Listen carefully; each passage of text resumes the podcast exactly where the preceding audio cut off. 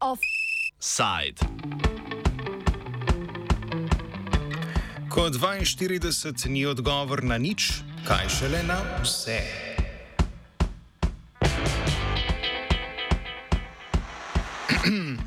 Danes je pri predsedniku državnega zbora Igorju Zorčiču potekal posvet z vodji poslanskih skupin. Glavno vprašanje je, kako naprej?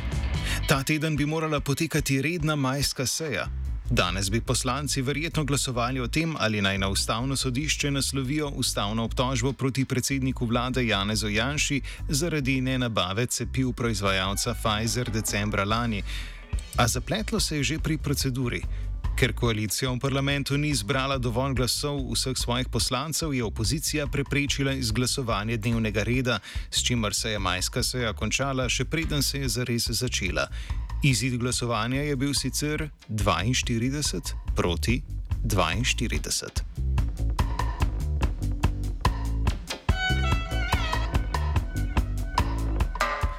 Delo državnega zbora bo zato moralo ta mesec potekati z izrednimi sejami, ki pa bosta kar dve: ena za koalicijo in ena za opozicijo. Dogovore sklenjene na današnjem posvetu pri predsedniku državnega zbora povzame vodja poslanske skupine socialnih demokratov Matjaš Han. Danes je bil pač posvet, kako iz te na nek način pad pozicije priditi ven v državnem zboru. Čuti se vsa ta napetost. Uh, pa vendarle danes smo se samo dogovorili to, da bomo naslednji teden speljali dve izredne seje. Ena je izredna seja, ki je sklicala opozicija, ki govori o ustavni obtožbi premijeja Jana Zajanše in druga je, ki, so, ki je sklicala koalicija, ki uh, je na to dala 21 točk, ki so bile uh, tudi na tej redni seji, majski seji. Tako da To je bil edini dogovor, vse ostalo, kar se tiče delovnih teles, eh, opozicija, koalicija, KNOVS in tako naprej, žal, danes nismo prišli do, do konca in je bil to, bom rekel, en zaključek. Tako da naslednji teden bo od torka naprej bodo seje uh, izredne. Ključni problem je vprašanje razdelitve mest v delovnih telesih državnega zbora, v katerih se upravi tudi večina zakonodajnega dela. Pravzaprav sta problema kar dva. Najprej je problematično vprašanje položaja štirih nepovezanih poslancev: Janja Sluge, Igorja Zorčiča in Branislava Rajča, ki so izstopili iz SMC, ter Jurija Lepa, ki je zapustil Desus.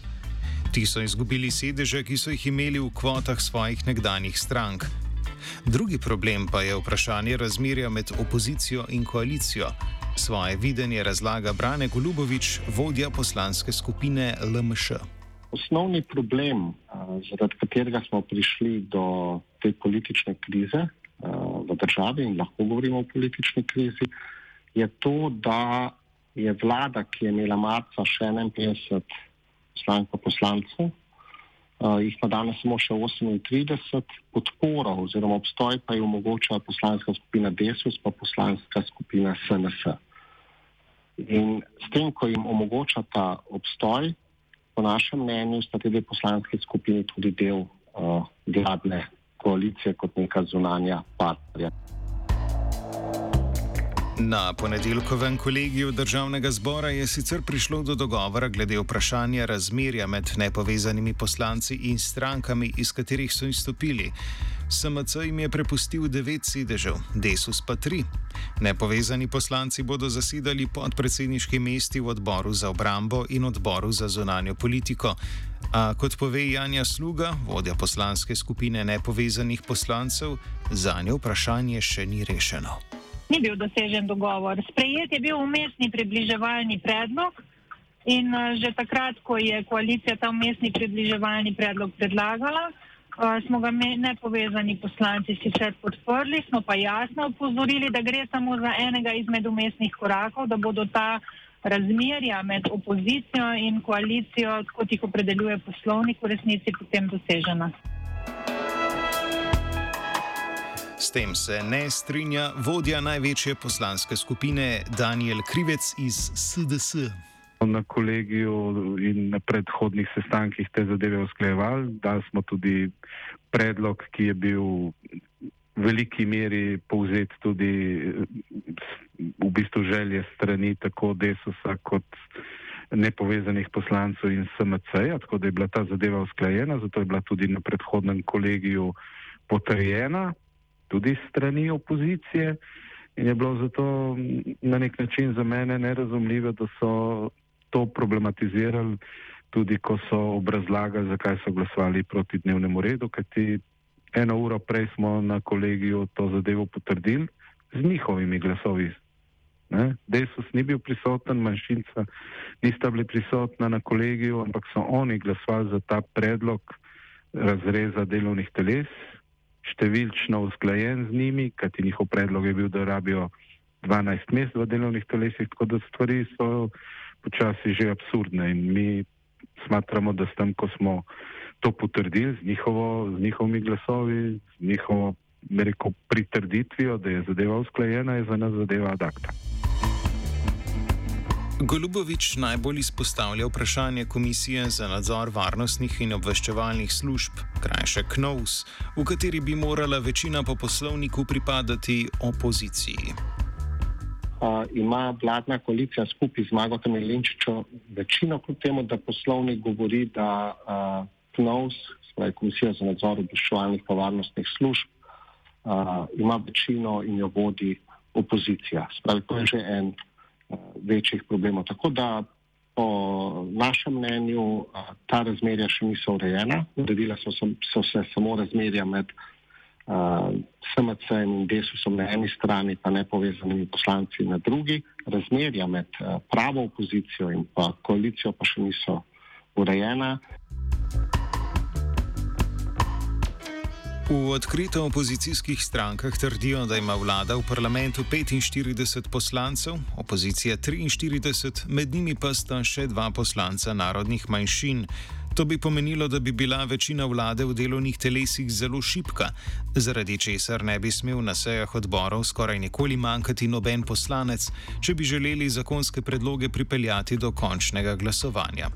Dogovor še ni na vidiku. V koaliciji namreč trdijo, da jih pri vprašanju števila mest v telesih državnega zbora opozicija izigrava.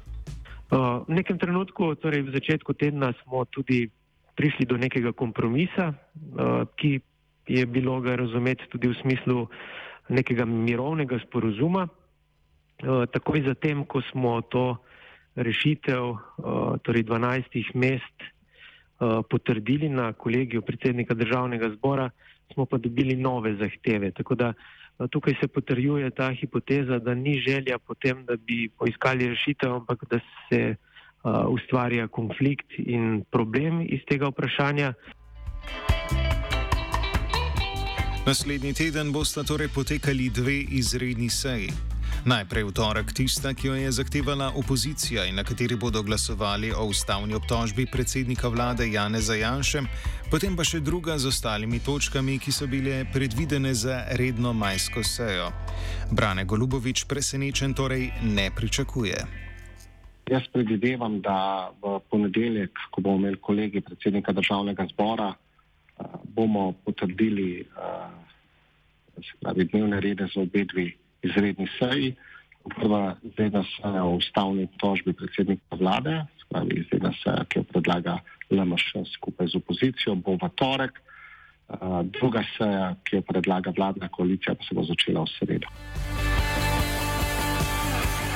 Med točkami ne ene, ne druge izredne seje pa ni ponovnega glasovanja o razrešitvi predsednika državnega zbora.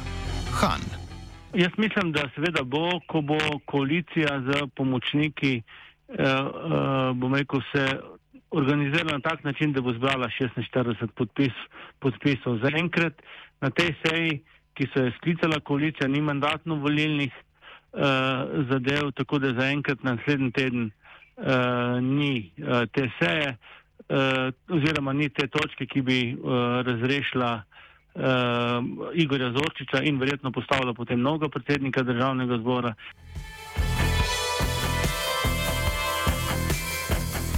Glasovanje o ustavni obtožbi Jana Zajanša se je torej zgolj prestavilo za en teden. Nič kaj verjetno ni, da bo opoziciji uspelo zbrati potrebnih 46 glasov. Kljub številnim težavam in nujni udeležbi poslancev na vseh sejah, se delo Janševe koalicije v parlamentu torej nadaljuje. Medtem ko je srednjeročna politična prihodnost njegovih partnerjev precej brezupna, pa se koalicija v resnici krepi.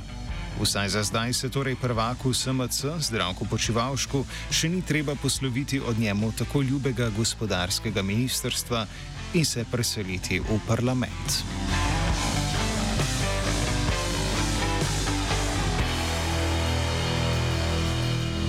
Offside je pripravil Gal.